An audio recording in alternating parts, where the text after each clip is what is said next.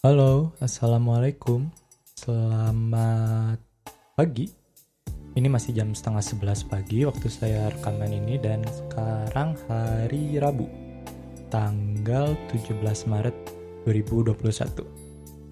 Dan ini akan menjadi episode ketiga dari podcast Rian Hernamawan.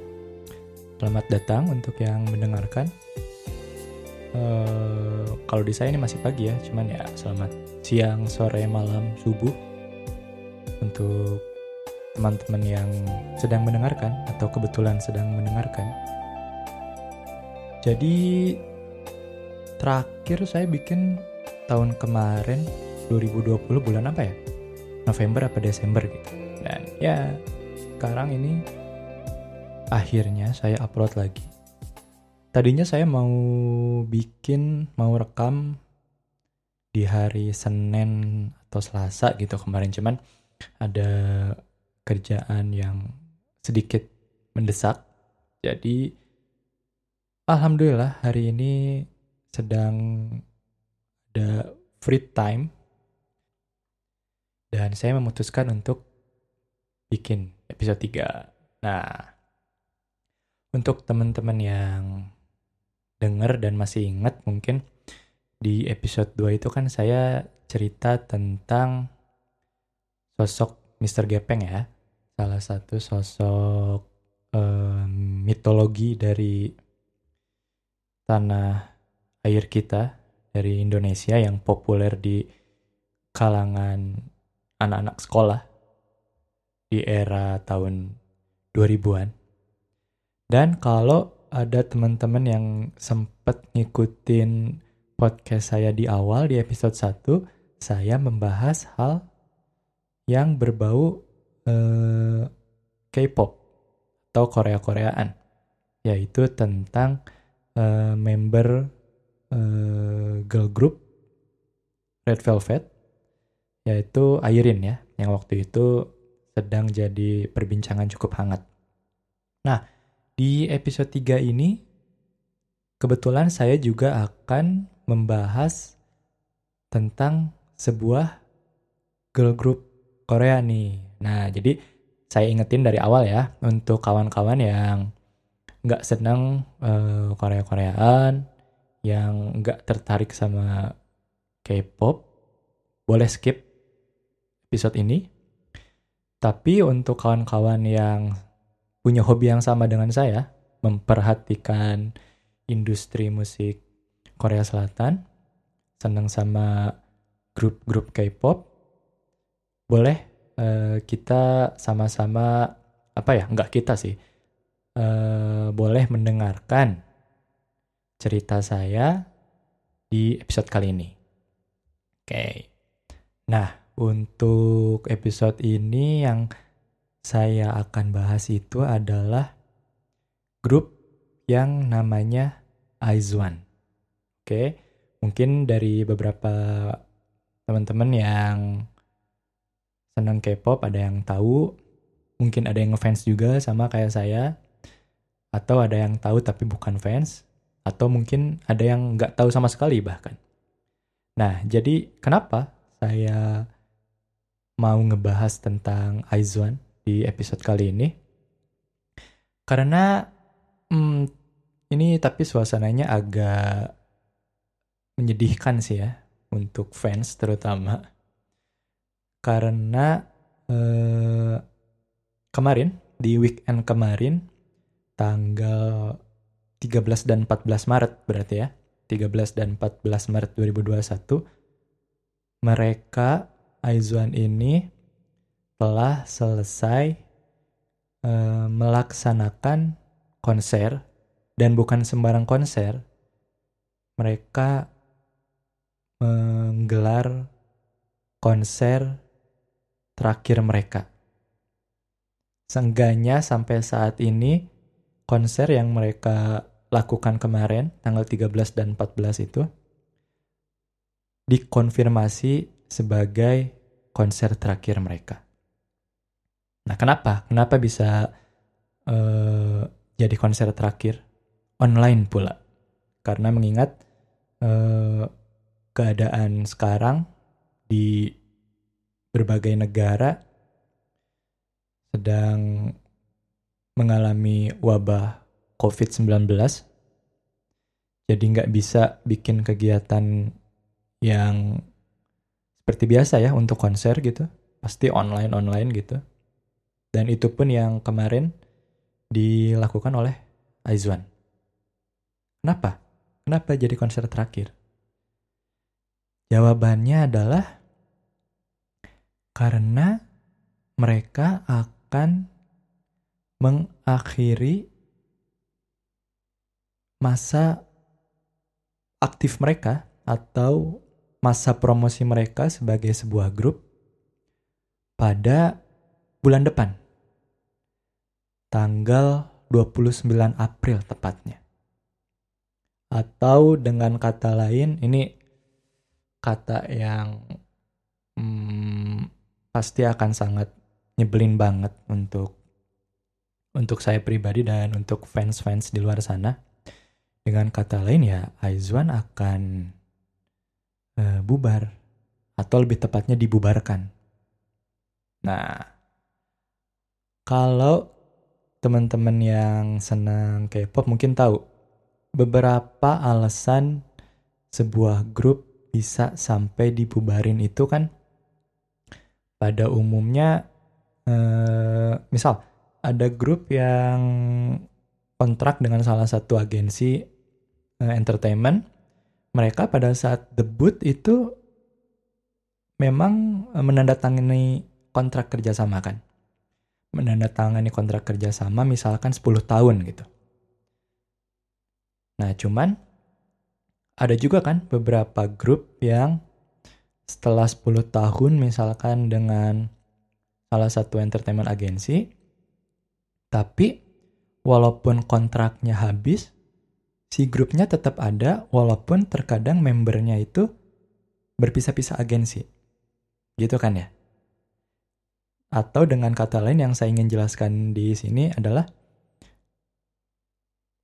pembubaran grup itu biasanya tidak direncanakan. Nggak akan ada atau jarang ada tanggal pasti dari sebuah grup akan diberhentikan masa promosinya kapan. Kalau eh, masa kerjasama dengan sebuah entertainment agency atau musik label gitu, itu umum ada eh, masa berakhirnya. Cuman untuk masa berakhir sebuah grup itu jarang kan ya. Dan alasan-alasan grup bubar itu biasanya karena misal memang eh, biasanya sih yang yang yang saya tahu ya. Pertama, mereka kurang mendapatkan apresiasi dari eh, penikmat musik di Korea.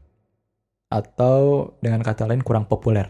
Biasanya grup dibubarkan oleh eh, agensi atau penjualannya kurang laku.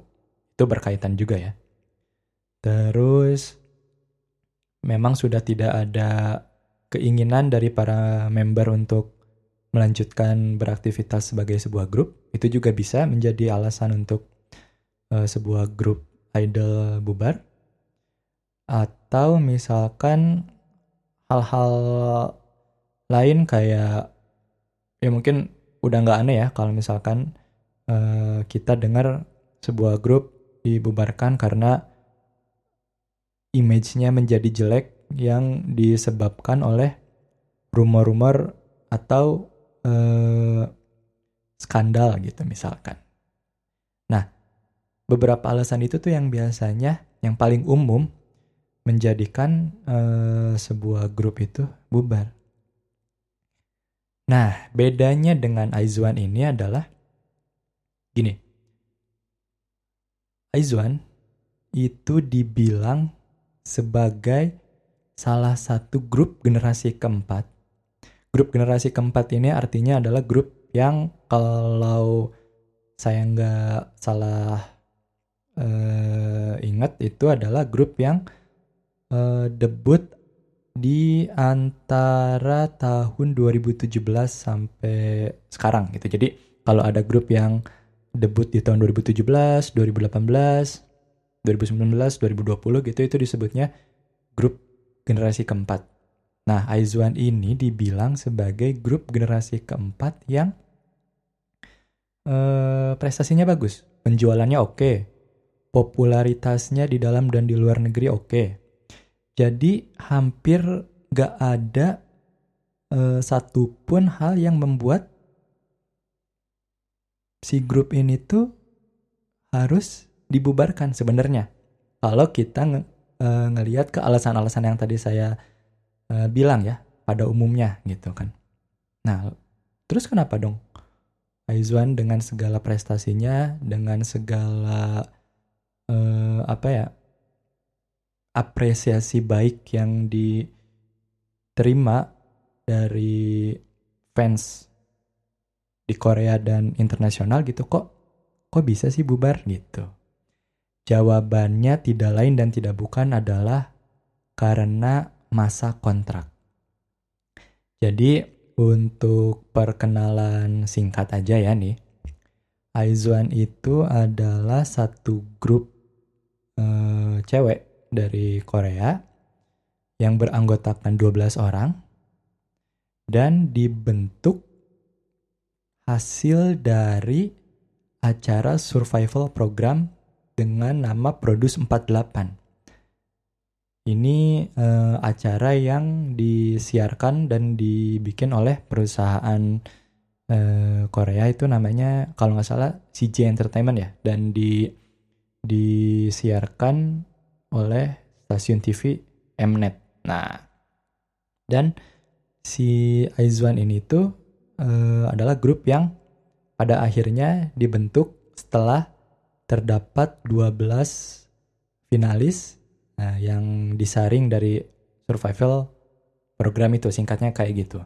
Dan memang di awal itu sudah jelaskan bahwa grup jebolan acara produce ini memang hanya akan berpromosi sementara.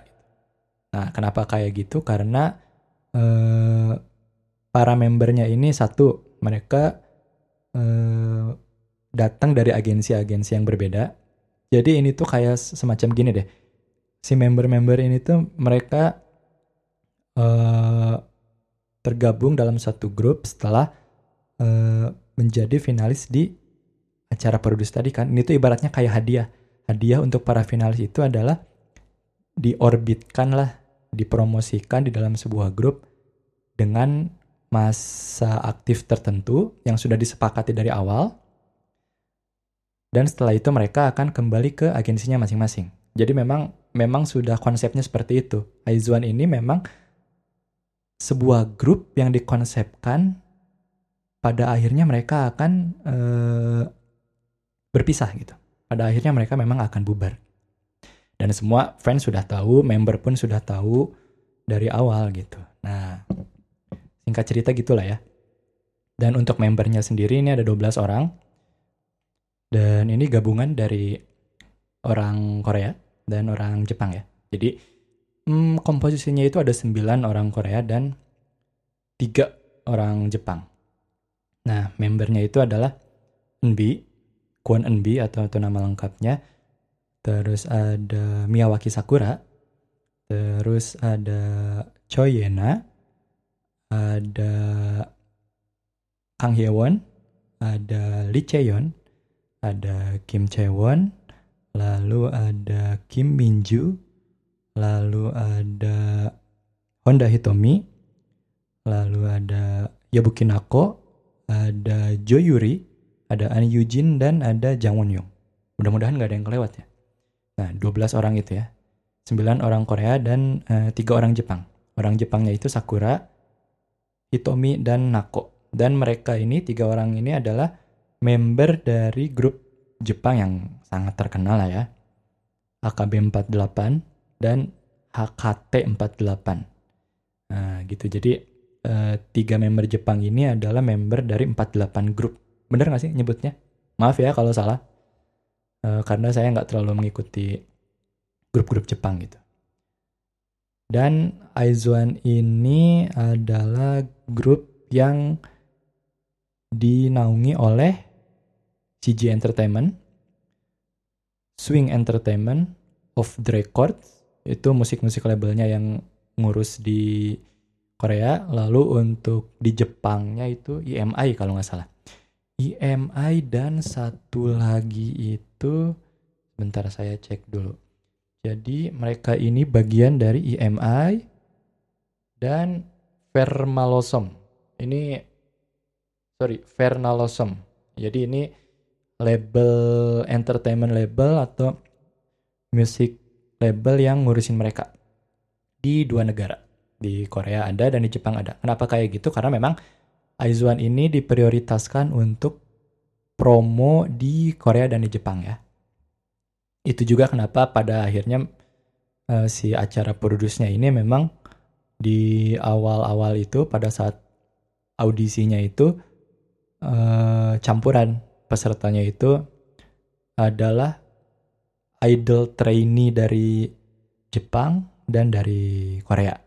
Bahkan nggak cuma trainee aja yang waktu itu ikutan itu sudah ada yang debut juga termasuk uh, teman-teman dari Jepang itu mereka dari AKB dari HKT dan saya lupa saya lupa pokoknya dari dari 48 grup itu ya.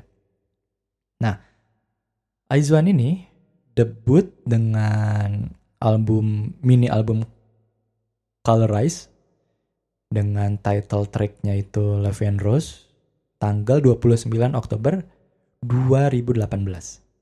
Dan seperti yang sudah saya bilang di awal bahwa mereka ini masa kontraknya dari awal memang sudah ditentukan hanya dua setengah tahun. Artinya bulan depan kawan-kawan sangat disayangkan Aizuan ini harus berakhir masa promosinya. Tepatnya di 29 April 2021. Dan kemarin di tanggal 13 dan 14 Maret menjadi konser terakhir mereka online. Nah, ini mungkin hmm, lebih tepatnya episode ini jadi seperti curhatan saya setelah menyaksikan konser terakhir kemarin ya. Banyak yang merasa sama saya apa sama kayak saya pastinya sedih. Ya mix feeling sih sebenarnya. Pada saat kemarin saya nonton itu ya happy aja gitu kan. Ya ibaratnya nonton artis kesukaan gitu. Uh, menyanyikan lagu-lagu yang disukai juga gitu kan tampil gitu perform dengan sangat bagus gitu ya kita tahu lah kalau masalah performance Aizwan ini salah satu yang kece gitu dan lagu-lagunya pun gini yang membuat saya akhirnya ngefans sama mereka dan bertahan gitu ya untuk ngikutin kegiatan mereka, ngikutin album-album mereka itu, ya tidak lain dan tidak bukan karena musik yang mereka nyanyikan, yang mereka bikin karya-karyanya itu ya sesuai dengan selera saya gitu. Jadi pada saat kemarin konser ya saya sih enjoy banget pada saat nontonnya ya, pada saat acaranya itu berlangsung. Nah cuman pada saat ujung-ujung nih mulai nih mulai sedih-sedihnya itu mulai berasa bahwa wah ini memang kayaknya 90% 99% mungkin ini ya konser terakhir mereka gitu. Yang sayangnya harus dilakukan secara online. Mereka nggak bisa ketemu fansnya secara langsung. Itu salah satu yang bikin saya kayak sedih gitu ngelihat aduh ini kasihan nih member di penghujung masa aktifnya mereka harus melakukan acara secara virtual gitu kan ya gimana lagi mengingat keadaan sekarang gitu. Cuman yang bikin makin kesal adalah gini. Di ini saya agak flashback sedikit ya. Kalau misalkan teman-teman yang pengen tahu detail ceritanya lebih bisa bisa googling. Jadi gini, uh, saya udah ceritain kan bahwa si Aizwan ini adalah jebolan dari survival program stasiun TV. Oke, okay? itu itu itu tolong dicatat. Cuman, nah ini ini ada cumannya gini. Saya ceritain sedikit. Ternyata si produce series ini, jadi produce acara produce ini nggak cuman nggak cuman produce 48 aja ya, yang pada akhirnya mendebutkan Aizwan, cuman sebelum-sebelumnya juga sudah ada dengan nama Produce 101 season 1 mereka mendebutkan grup IOI dengan masa kontrak satu tahun kalau nggak salah. Terus Produce 101 season 2 dengan akhirnya mereka mendebutkan grup cowok yaitu 101 namanya. Kalau nggak salah ini kontraknya juga satu tahun apa satu tahun setengah gitu. Uh, saya nggak ngikutin sih mereka. Dan Produce 48 ini adalah produce seri season ketiga yang pada akhirnya mendebutkan Aizwan. Nah, sebenarnya setelah Aizwan ini ada satu grup lagi dengan nama X1. Mereka itu grup cowok ya. Mereka grup cowok jebolan dari Produce X101 atau Produce Series season keempat.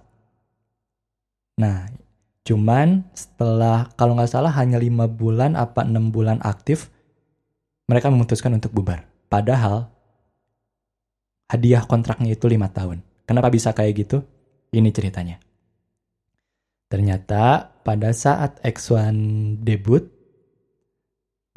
ada pemberitaan yang mencuat ke media dan akhirnya menjadi salah satu skandal K-pop terpanas tahun itulah ya.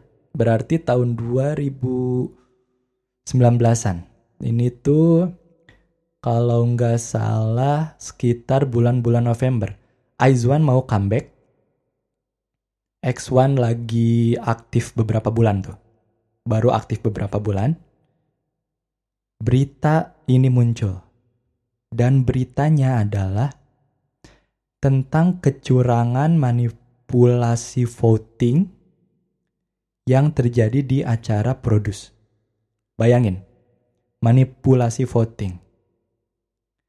Artinya, ada pemberitaan yang mengatakan bahwa hasil dari Produce itu rekayasa atau uh, hasil dari manipulasi. Dan ini tuh berpengaruh kepada member-member yang debut dan yang tereliminasi dong, gitu kan. Cuman sampai sekarang ini harus saya kasih info di awal. Sampai sekarang belum ada satupun uh, bukti yang menyatakan bahwa member terlibat. Artinya member-member baik yang debut ataupun yang tereliminasi itu adalah korban dari keadaan ini.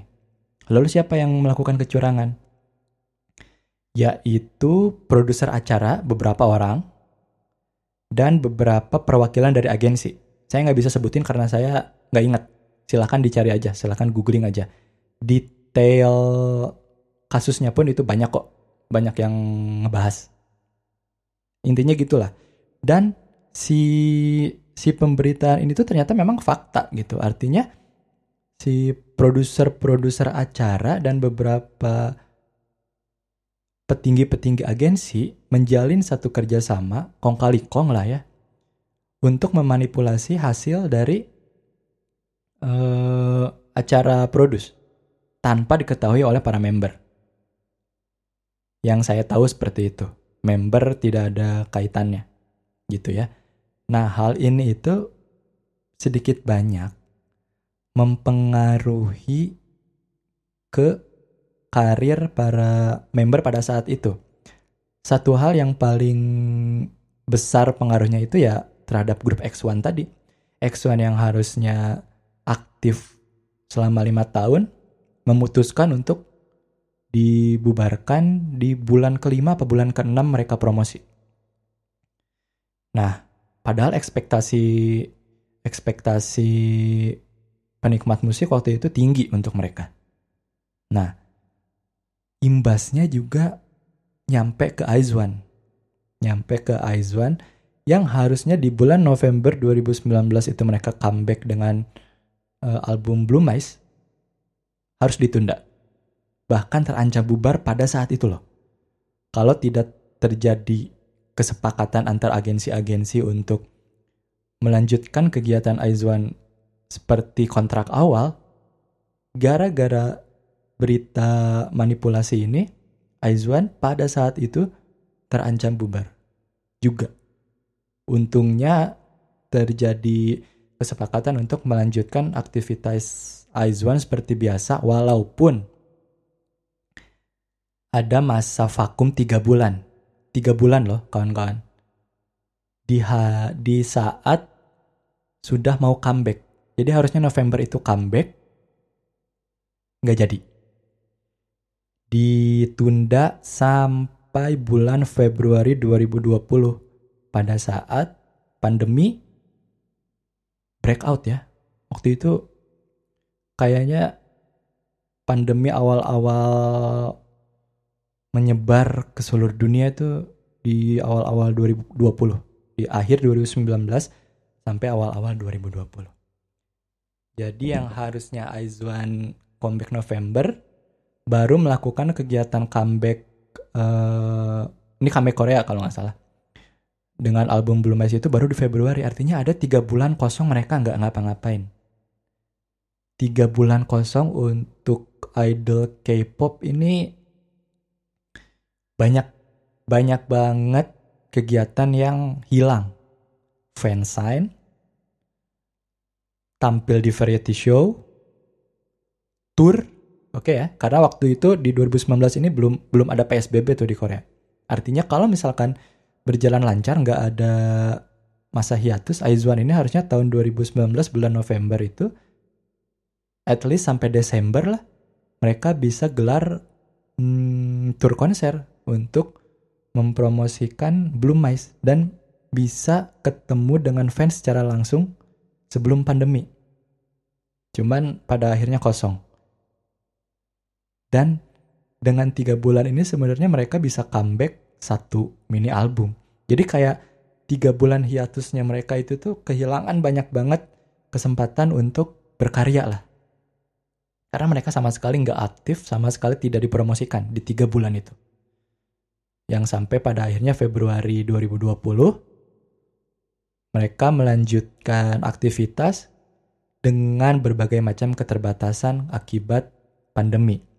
Mereka nggak bisa fansign secara langsung, mereka nggak bisa konser secara langsung. Maksudnya ketemu penggemar ya. Mereka nggak bisa tour internasional sudah pasti dan padahal ini ini tuh kayak program-programnya yang seharusnya mereka lakukan kalau nggak ada pandemi. Gila kan? Menjelang akhir masa promosinya mereka dihadapkan dengan situasi seperti ini. Makanya banyak banget yang kayak kecewanya, kayak sedihnya itu berkali-kali lipat walaupun sudah tahu Aizwan mau bubar tapi dengan keadaan seperti ini tuh kayak wah semakin sedih gitu. Ditambah ada rencana sebetulnya ada rencana akan memperpanjang kontrak Aizwan ini dengan alasan kenapa?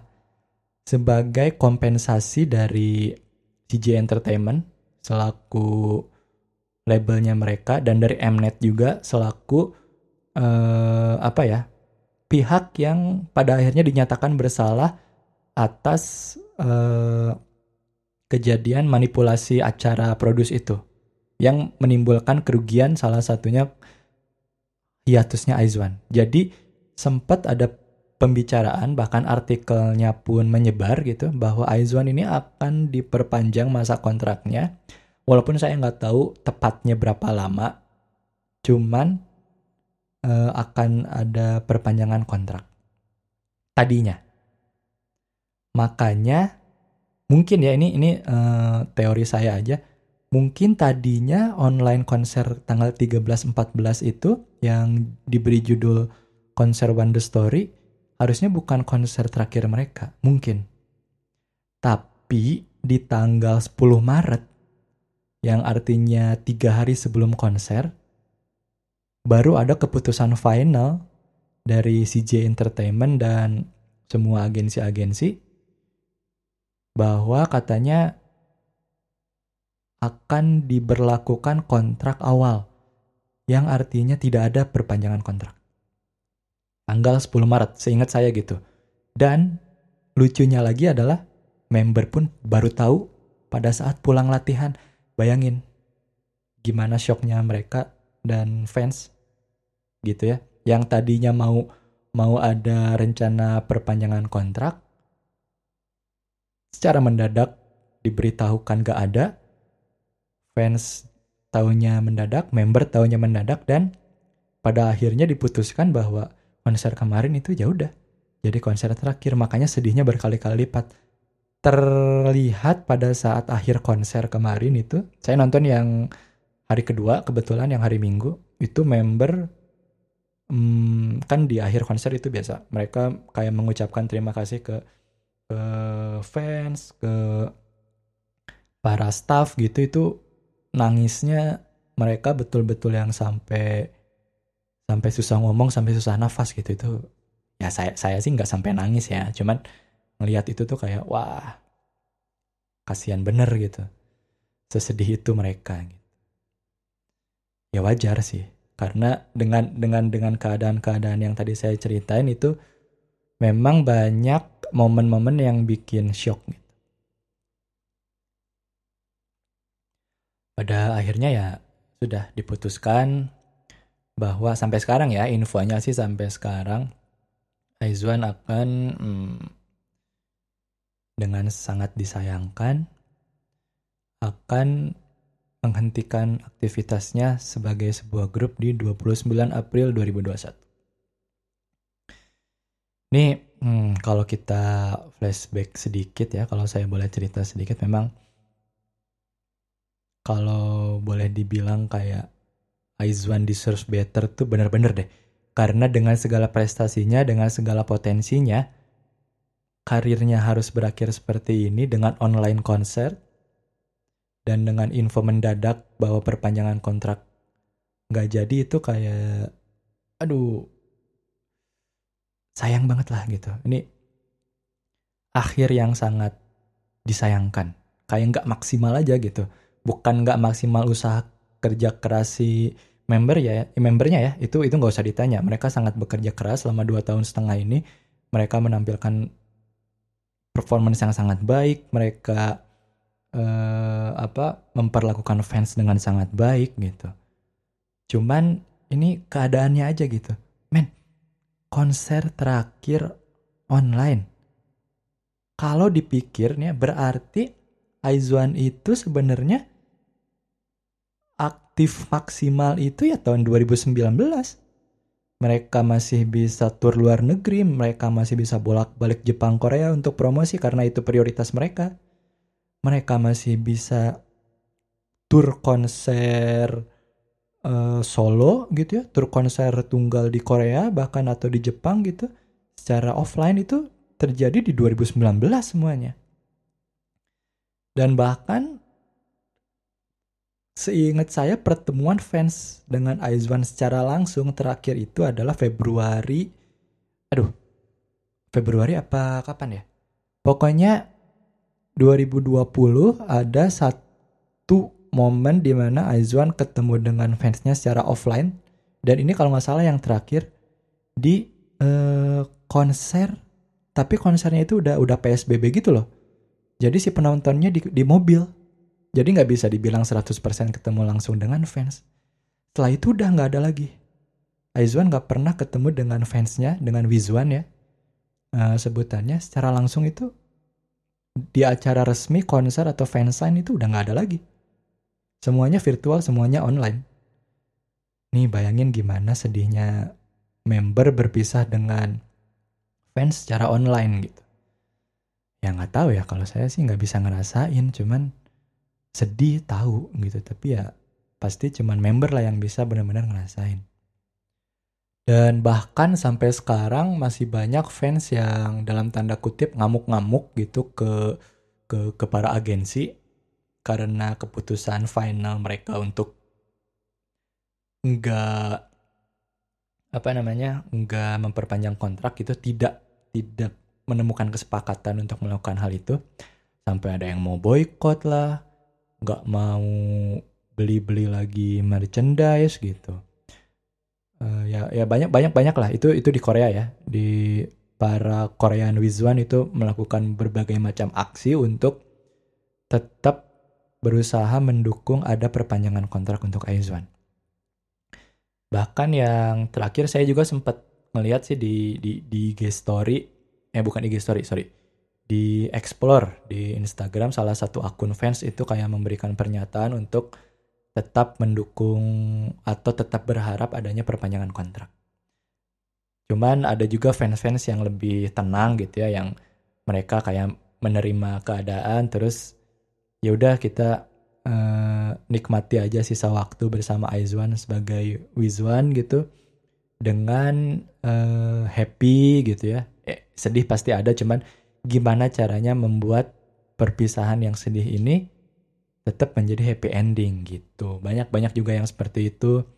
Terus juga banyak postingan-postingan di Instagram itu. Pesan dari para stylist pesan dari para makeup artist yang bekerja dengan Aizwan para back dancer juga yang menyatakan bahwa mereka juga ikut sedih gitu. Mereka juga uh, apa sangat menyayangkan bahwa ternyata Aizwan harus harus uh, diberhentikan masa promosinya gitu. Dan hmm, yang yang yang menarik itu adalah pesan-pesan dari para makeup artist dan stylist yang semuanya menyatakan bahwa sikap anak-anak Aizwan ini sangat baik dan sangat ramah. Di belakang panggung juga kayak gitu di kesehariannya juga kayak gitu gitu jadi ini uh, apa ya hmm, kabar yang sangat menyenangkan lah untuk fans ya bahwa idol yang kita dukung gitu ternyata punya sikap yang baik terhadap sesama artis terhadap staff gitu dan itu juga yang membuat para staff ini jadi sedih gitu ketika Aizwan harus uh, bubar gitu. Karena banyak katanya si stylist-stylist ini banyak dan makeup artist itu banyak uh, kenangan indah bersama mereka gitu. Nah, seperti yang udah saya ceritain di awal bahwa Aizwan ini setelah mereka selesai dengan masa kontraknya, para member akan kembali ke agensinya gitu ya hmm, kita nggak kita sorry kita terus saya punya sedikit uh, prediksi lah ya atau mungkin sebenarnya udah banyak juga sih orang-orang yang mulai memprediksikan bagaimana kegiatan para member setelah balik ke agensinya masing-masing. Hmm, kalau dari saya sendiri sih, pertama ini sebenarnya dari 12 member ini ada beberapa yang datang dari agensi yang sama. Contoh NB sama Cewon. NB sama Cewon ini datang dari Wulim Entertainment.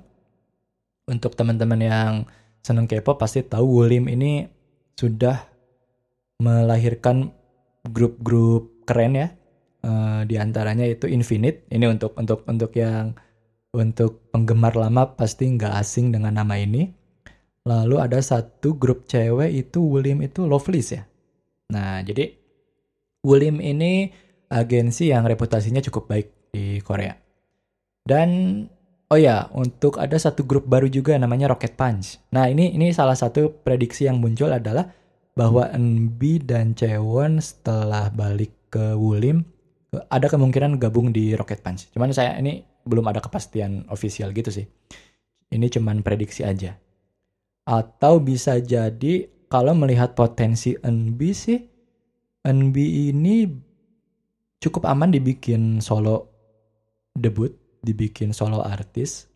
Seperti halnya mungkin kalau jebolan produs yang sama itu kayak Chungha atau Somi. Uh, dia punya potensi, NB ini punya potensi untuk menjadi uh, solois. Kenapa? Karena uh, dance dan vokalnya powerful. Wizwan pasti pada tahu. Plus dia punya kemampuan untuk composing. Jadi beberapa kemungkinan yang bisa terjadi pada NB itu adalah gabung di idol group baru atau gabung di Rocket Punch, solo debut atau menjadi seorang produser musik. Nah, cuman kabar terakhir yang saya lihat dari uh, info di internet itu NB akan muncul di uh, musik video dari penyanyi seniornya satu perusahaan yaitu member Infinite Sungkyu kalau nggak salah. Uh, sorry ya kalau salah. Pokoknya kemarin sih sudah konfirmasi bahwa NB akan muncul di MV terbaru uh, seniornya. Dan katanya dua hari kemarin atau atau kemarin gitu, NB sudah mulai syuting. Nah, jadi kita tunggu aja karya terbaru dari NB sebagai seorang aktris. Wih, boleh juga nih NB nih. Bisa merambah dunia acting. Terus Cewon. Cewon teman seagensinya. Hmm, kalau dari pengamatan saya sih, Cewon ini potensinya akan sangat maksimal kalau dia ada di sebuah grup lagi. Nah, ini nggak tahu nih Wulim akan bikin grup baru atau Cewon akan dimasukin ke uh, Rocket Punch. Itu saya nggak tahu. Dan Cewon juga punya satu set skill yang sangat keren yaitu composing juga. Dan kita tahu Cewon sudah menyumbangkan satu buah lagu di album Aizwan yaitu dengan judul Slow Journey. Nah, itu ya. Itu untuk NB dan Cewon uh, prediksi saya baru segitu. Terus untuk siapa member selanjutnya? Oh kita kita omongin lain Jepang deh Sakura, Hitomi, dan Nako kemungkinan pertama itu tentunya mereka akan ke Jepang. Duh, sedih banget ya. Mereka harus balik ke Jepang. Hmm, bakal kangen banget dengan uh, suasana Nako, Hitomi, dan Sakura di Korea. Hmm, mungkin mereka sih akan melanjutkan kegiatannya di grup 48 itu ya atau ada beberapa kemungkinan kemarin bahkan ada satu isu yang cukup mencengangkan. Katanya Sakura akan gabung dengan Big Hit. Big Hit yang mengurus BTS artis besar itu. Lalu juga mengurus Gfriend ini salah satu grup yang saya suka juga. Katanya Sakura akan sign kontrak eksklusif kontrak dengan big hit. Cuman sampai sekarang belum ada official statement.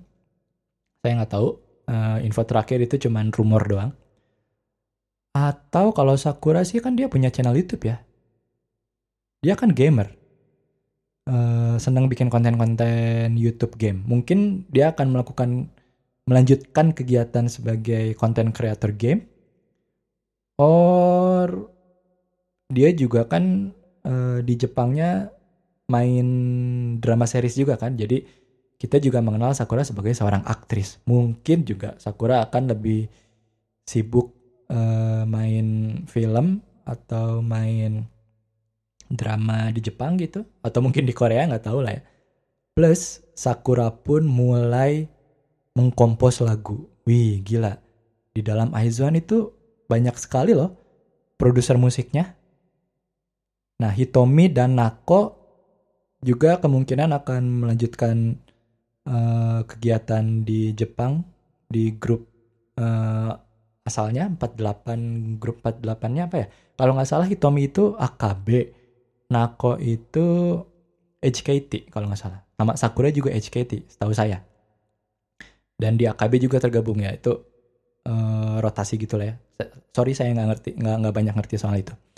Uh, cuman kalau Hitomi sama Nako belum ada info mereka akan gabung agensi Korea sih saya nggak tahu. Um, dan nah Hitomi juga nih, Hitomi juga selama di Aizuan dia sudah menyumbangkan sebuah karya berupa lirik di lagu Merry Go Round. Dia bikin lirik versi Korea dan dia juga bikin lirik versi Jepang dan ada juga lagu lainnya sayangnya saya lupa itu lirik-lirik yang dibikin oleh Hitomi. Nah, itu sekilas prediksi untuk J-Line atau para member Jepang. Next ke hmm, Yena deh. Ini Yena ini member yang bikin saya akhirnya ngefans sama Aizwan. Awal-awal saya ngefans sama Aizwan tuh gara-gara Yena. Karena saya nonton Yena di variety show dengan judul uh, Mafia Game in Prison. Itu silahkan teman-teman cari ya. Ada di View kalau nggak salah. Itu acara itu lucu banget dan saya uh, menemukan Yena di acara itu. Jadi sedikit uh, flashback sedikit informasi bahwa saya ini bukan penonton Produce 48, tapi pada akhirnya ngefans sama Aizwan. Itu gara-gara ngelihat Yena di uh, apa ngelihat Yena di variety show Mafia Game in Prison itu, terus ada Eugene juga. Dan saya saya kayak penasaran, nih uh, dua orang ini kan lucu-lucu ya mereka. Terus member grup idol kah? Ternyata mereka member grup Aizwan saya mulai search soal Aizwan dan langsung suka sama lagunya. Waktu itu lagu pertama yang saya dengar itu Violeta malah. Lagu lagu kedua di al di mini album kedua mereka yaitu album Heart Is. Bukan lagu debutnya malah yang pertama saya dengar itu. Lagu Rose itu bukan. Dan saya langsung suka dengan Aizwan. Berarti awal-awal 2000 awal-awal 2019 dong kalau kayak gitu ya. Saya saya pertama ngefans sama Aizwan itu karena mereka udah comeback Violeta, bukan bukan di debutnya, bukan di 2018 itu saya belum belum tahu malah soal Aizwan. Nah, gara-gara Yena saya akhirnya discover Aizwan dan uh, ngefans sama mereka sampai sekarang gitu.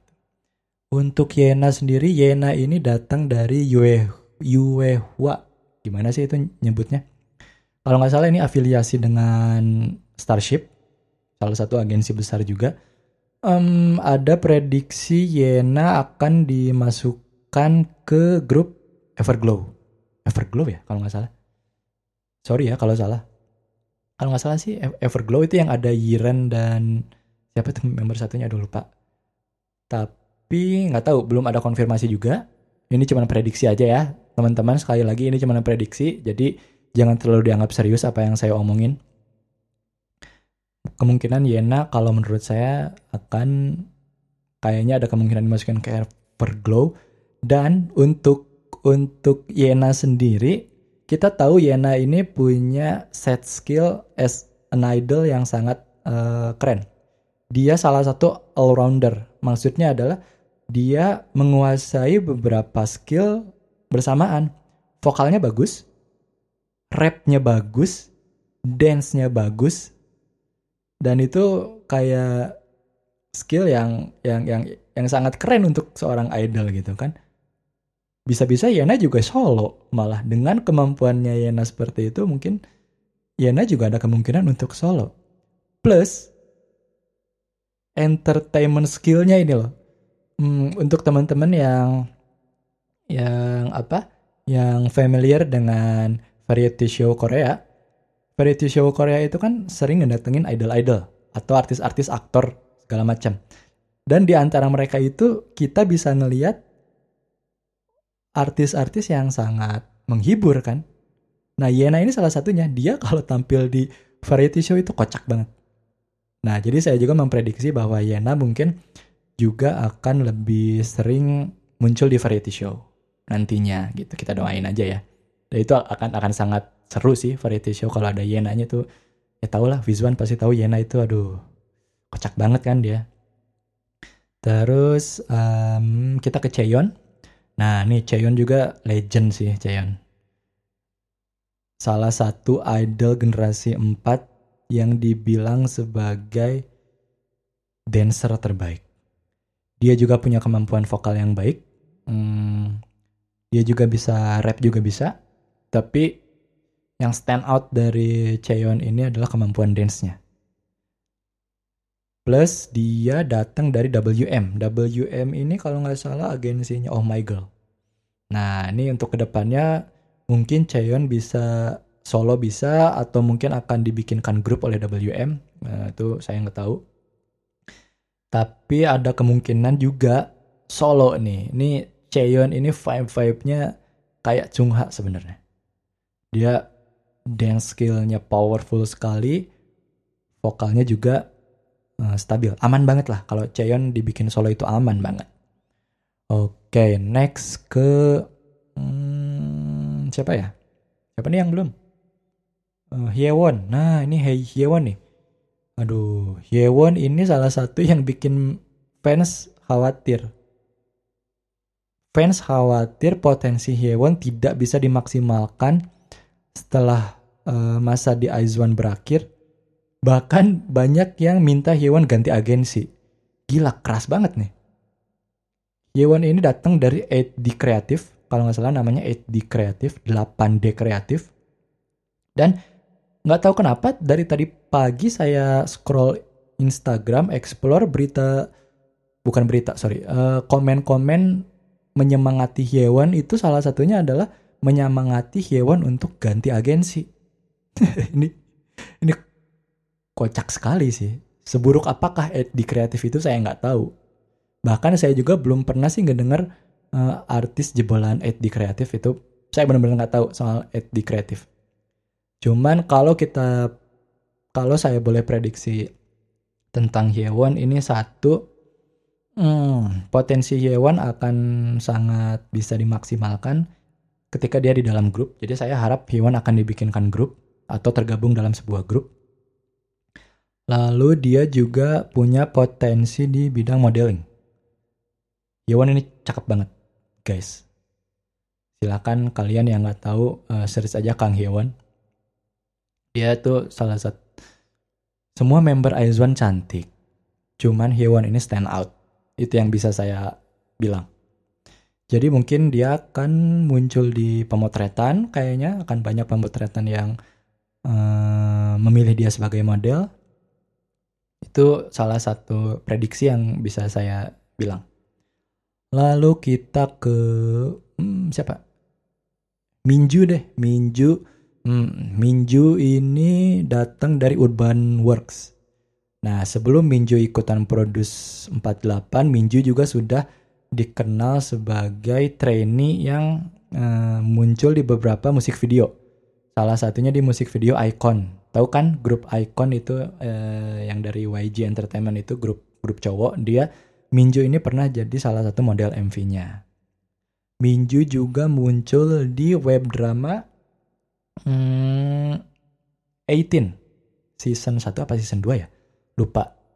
Tapi itu setelah setelah Minju debut dengan Aizwan, Minju uh, acting di drama 18 sebagai cameo waktu itu Lalu juga Minju muncul di film Korea dengan judul The Fault Is Not Ours atau The Fault Is Not Yours gitu saya lupa judul pastinya tapi ini sebelum debut kalau nggak salah sebelum debut sebagai member Aizwan dan di drama uh, The Great Seducer itu drama yang tahun 2018 atau 2017 ya saya lupa yang dibintangi oleh Joy Red Velvet. Itu ada Minjunya.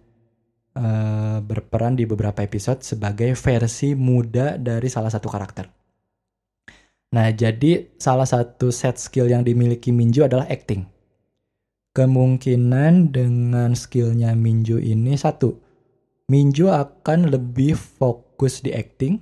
Kalau misalkan kita lihat ke belakang itu ada beberapa juga member uh, jebolan produce yang sekarang uh, lebih lebih sering kita lihat di drama series kayak Jung Cheon dari IOI, Kim So Hye dari IOI, lalu Kim Sejong dari IOI juga yang sekarang tapi mereka juga tetap uh, nyanyi ya. Kalau nggak salah Jung Cheon itu uh, member Daya dan uh, Sejong sekarang solo. Tapi mereka berdua tetap nyanyi Cuman Sohye, Kim Sohye yang dulunya member IOI itu dia lebih fokus di acting.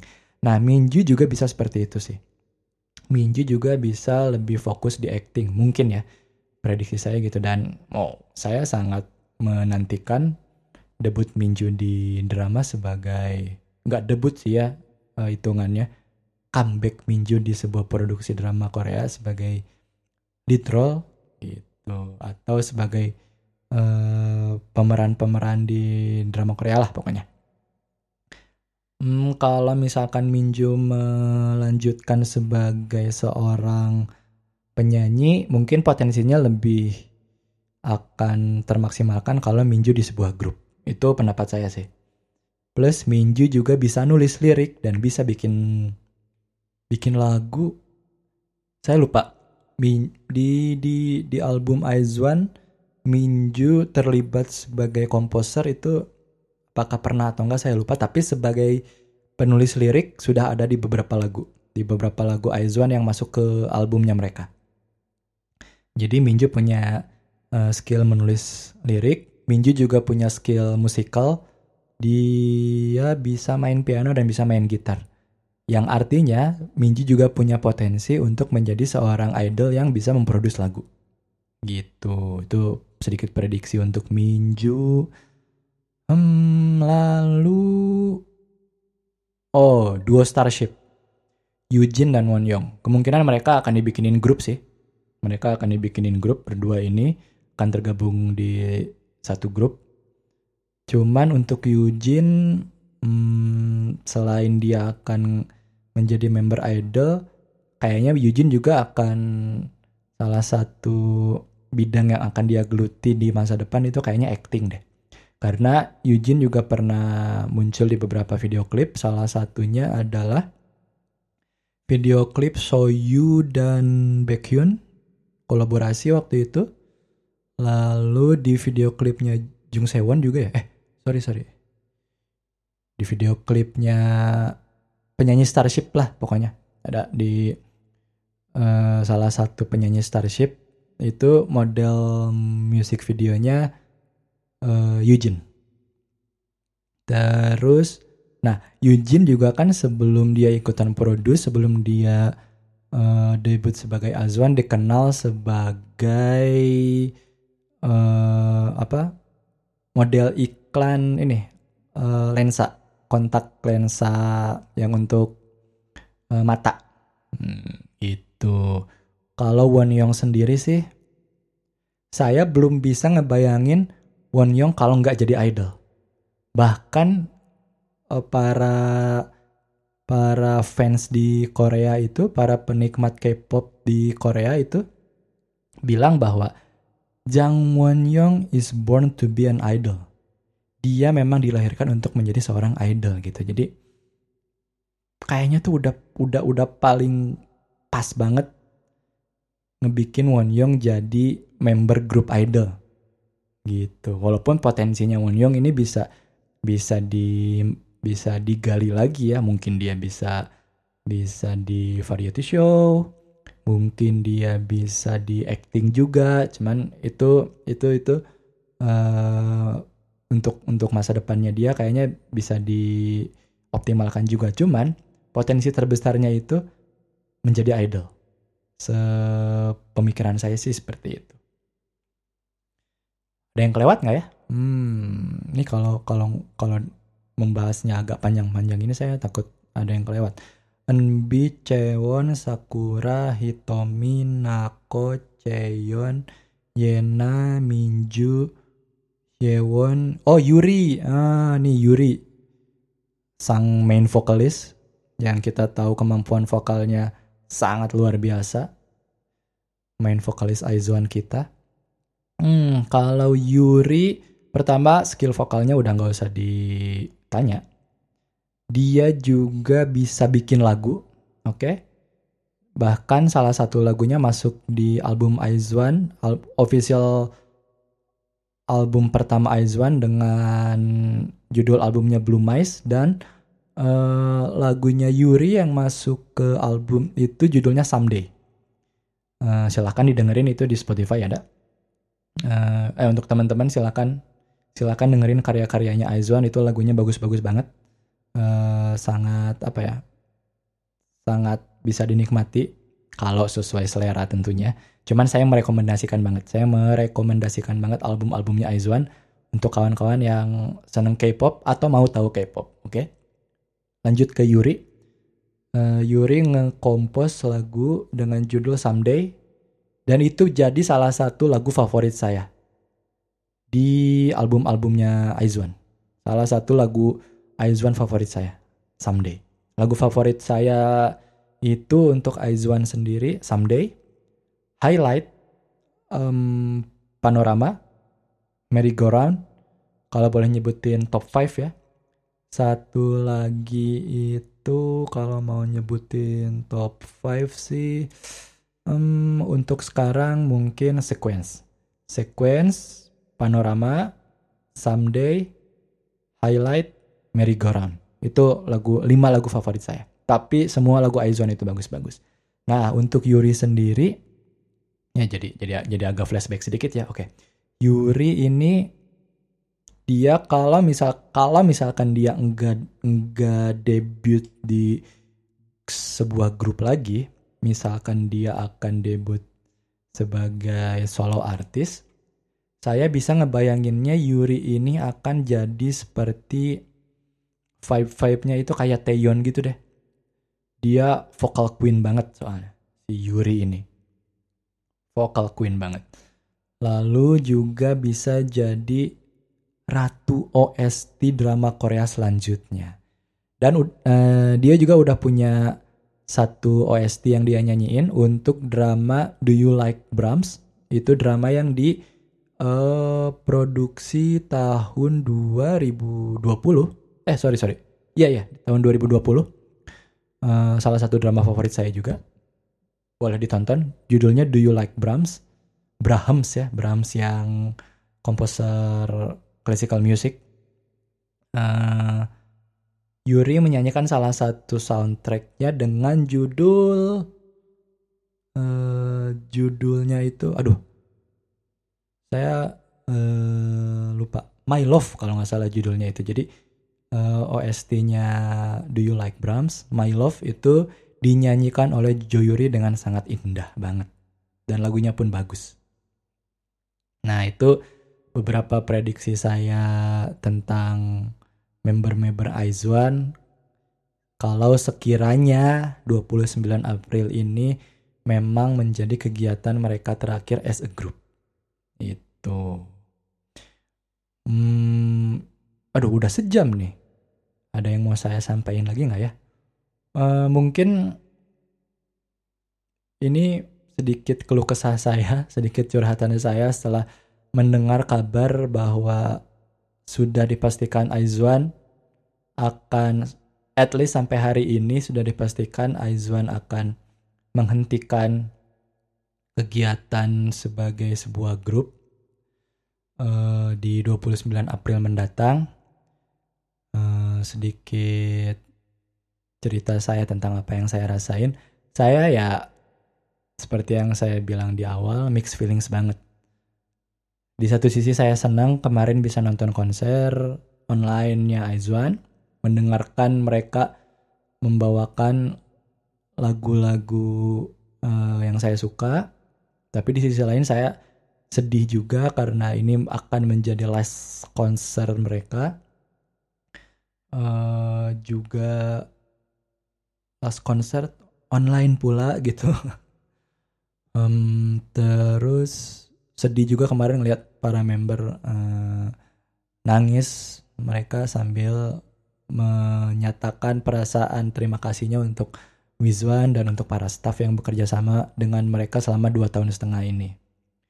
Oke, di akhir episode ini mungkin yang saya mau sampaikan adalah pertama untuk para Wizwan yang sampai sekarang masih berusaha yang terbaik untuk Aizwan dalam hal ini masih berusaha bernegosiasi dengan para agensi, masih berusaha melakukan uh, apa kampanye-kampanye untuk uh, membuat perpanjangan kontrak Aizwan ini terwujud.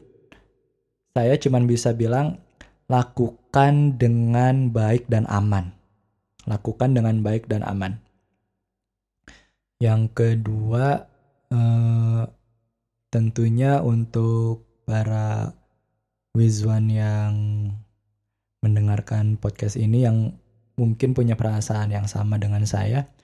Saya sih hmm, apa ya? Saya cuma mau bilang bahwa mari kita nikmati uh, waktu yang tersisa ini dengan dengan senang hati gitu. Mari kita nikmati konten-konten Aizwan yang masih bisa kita nikmati kayak Enozi Camp. Terus katanya nanti mau ada eating trip season 3 dan ada Aizwan Chu juga ya. Cuman ini masih belum terkonfirmasi. Uh, sekali lagi belum konfirmasi.